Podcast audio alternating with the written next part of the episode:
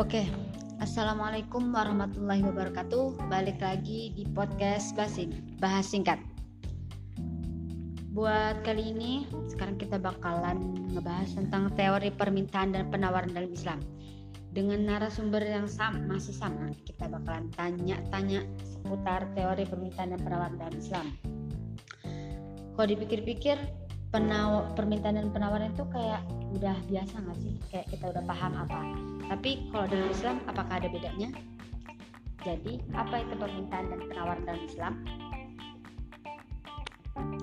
Nah, kalau secara umumnya permintaan itu dapat diartikan sebagai suatu barang atau jasa yang diminta pada tingkat harga tertentu dan dalam jumlah tertentu pada pula dengan memperhatikan berbagai kondisi tertentu. Tentunya penafsiran ini nih nggak jauh beda sama yang penawaran dalam Islam. Nah, kalau dalam Islam itu bedanya kita itu harus memperhatikan syariat yang mengajarkan bahwa kita tidak boleh serakah dan mengeksploitasi sesuatu secara berlebihan karena akan berdampak buruk kepada kita dan Allah pun senantiasa tidak menyukai orang-orang yang berlebihan. Nah, kalau penawaran itu adalah barang atau jasa yang ditawarkan pada jumlah dan tingkat harga tertentu dan dalam kondisi tertentu. Nah, penawaran dalam Islam pun ada halnya yang membedakan dengan penawaran hedonis atau penawaran konvensional, bahwa barang atau jasa yang ditawarkan harus harus transparan dan rinci spesifikasinya. Bagaimana keadaan barang tersebut, apa kelebihannya dan kekurangan barang tersebut. Nah, jangan sampai penawaran yang kita lakukan, lakukan itu merugikan pihak yang mengajukan permintaan. Nah, adapun Rasulullah dalam melakukan penawaran selalu merinci tentang spesifikasi barang dagangannya. Sampai-sampai harga belinya pun disebutkan dan dan menawarkan dengan harga berapa barang tersebut yang bakalan dibeli oleh pembelinya dan berapa keuntungan akan yang akan Rasulullah dapatkan. Nah, konsep permintaan dalam Islam itu menilai suatu kondisi barang atau jasanya itu tidak semuanya bisa untuk dikonsumsi atau digunakan. Dibedakan itu antara halal maupun yang haram. Jadi oleh karena itu dalam teori permintaan Islam itu membahas permintaan barang halal, barang haram dan hubungannya di antara keduanya. Sedangkan dalam permintaan konvensional semua barang itu sama bisa dikonsumsi maupun digunakan. Kalau dalam perbedaan prinsip antara permintaan dan penawaran dalam Islam dengan konvensional itu, menurut ekonomi konvensional itu titik beratnya pada harga. Jika harga tinggi, maka permintaan akan turun. Begitu pula sebaliknya. Sedangkan dalam ekonomi Islam dan di titik beratkan itu yang dititik beratkan itu adalah faedah, kemaslahatan ataupun manfaat suatu barang. Sedangkan harga bukanlah tinjauan dasar dalam ekonomi Islam, tetapi sisi religiusnya itu yang menjadi patokan utamanya. Di mana kehalalan itu tuh lebih diutamakan, bukan rendahnya harga. Oke, kita udah tahu ya eh, permintaan dan penawaran dalam Islam. Sekarang kita bakalan bahas tentang apa aja sih faktor yang mempengaruhi permintaan dan penawaran dalam Islam. Jadi untuk faktor-faktornya, faktor yang mempengaruhi permintaan tuh Ibnu Taimiyah dalam kitabnya Majmu Fatwa menjelaskan bahwa hal-hal yang mempengaruhi permintaan suatu barang itu yang pertama keinginan atau selera masyarakat terhadap suatu barang yang berbeda dan selalu berubah-ubah. Jadi, di mana ketika masyarakat telah memiliki selera terhadap suatu barang, maka hal ini akan mempengaruhi jumlah permintaan terhadap barang tersebut.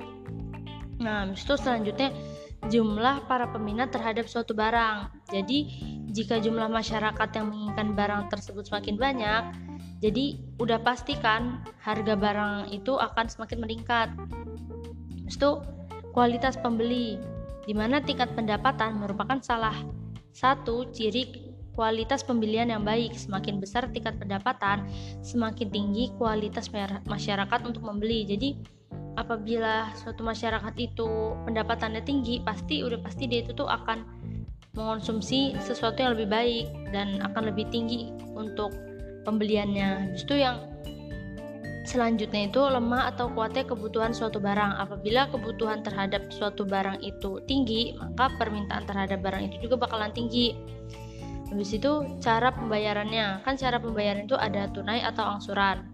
Jika pembelian barang itu dengan transaksi tunai, biasanya itu permintaannya bakalan lebih tinggi. Itu besarnya biaya transaksi. Apabila biaya transaksi Nah, selanjutnya itu besarnya biaya transaksi. Jadi apabila biaya transaksinya dari suatu barang itu rendah, maka permintaan akan meningkat. Kan kayak misalnya orang misalnya belanja online gitu. Nah, habis itu biaya transaksinya rendah. Nah, maka permintaannya itu akan meningkat. So, kalau faktor-faktor yang mempengaruhi penawaran itu menurut Ibnu Khaldun itu uh, faktor-faktor yang mempengaruhi penawaran terhadap suatu barang tuh ada biaya dan teknologi. Jadi biaya dan teknologi itu adalah suatu konsep yang sangat erat berkaitan satu sama lain.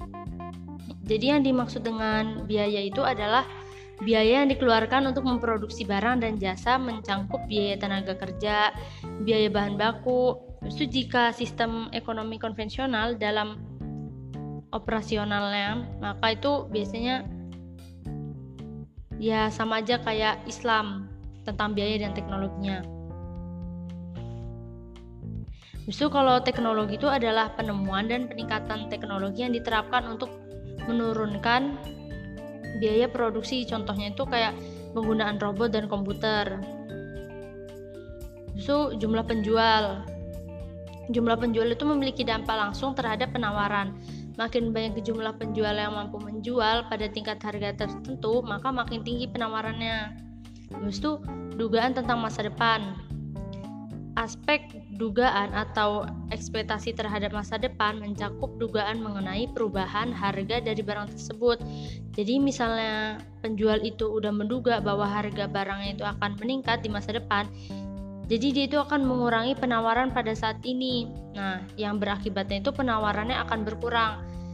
Tapi hal ini nih dilarang oleh Nabi karena seperti nanti yang akan kita lihat itu nanti harga barang yang mereka timbun itu akan melibatkan harga pasar yang melonjak. Itu kondisi alam.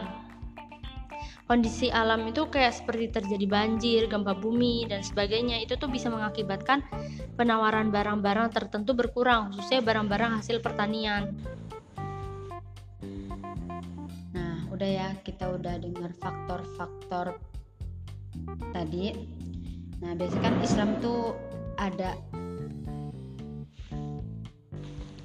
nah biasanya kan Islam tuh ada sangkut pautnya dengan dalil untuk dalilnya sendiri dalil teori permintaan dan penawaran dalam Islam itu ada apa aja sih Ya, dalil permintaan tuh ada di surat Al-Maidah ayat 87.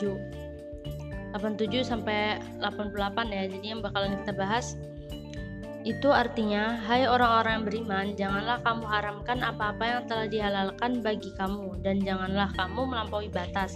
Sesungguhnya Allah tidak menyukai orang-orang yang melampaui batas.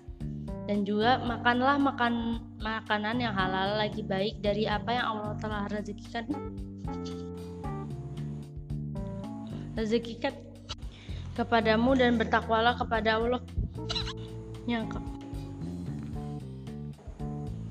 yang kamu yang kamu beriman kepadanya. Lalu dalil penawaran itu ada di surat Ibrahim ayat 32 sampai 34 yang artinya Allah lah yang telah menciptakan langit dan bumi dan menurunkan air hujan dan langit. Kemudian dia mengeluarkan dengan air hujan itu berbagai buah-buahan menjadi rezeki untukmu. Dan dia telah menundukkan bahtera bagimu supaya bahtera itu berlayar di lautan dengan kehendaknya dan dia telah menundukkan pula bagimu sungai-sungai dan dia telah menundukkan pula bagimu matahari dan bulan yang terus-menerus beredar dalam orbitnya dan telah menundukkan bagimu malam dan siang dan dia telah memberikan kepadamu keperluanmu dari segala apa yang kamu mohon kepadanya dan jika kamu menghitung nikmat Allah tidaklah dapat kamu menghinakannya menghinggakannya Sungguh manusia itu sangat zalim dan sangat mengingkari nikmat Allah. Nah, dalam dalil tadi itu memanfaatkan alam yang telah disediakan Allah bagi keperluan manusia. Larangan yang harus dipatuhi adalah janganlah kamu membuat kerusakan di muka bumi.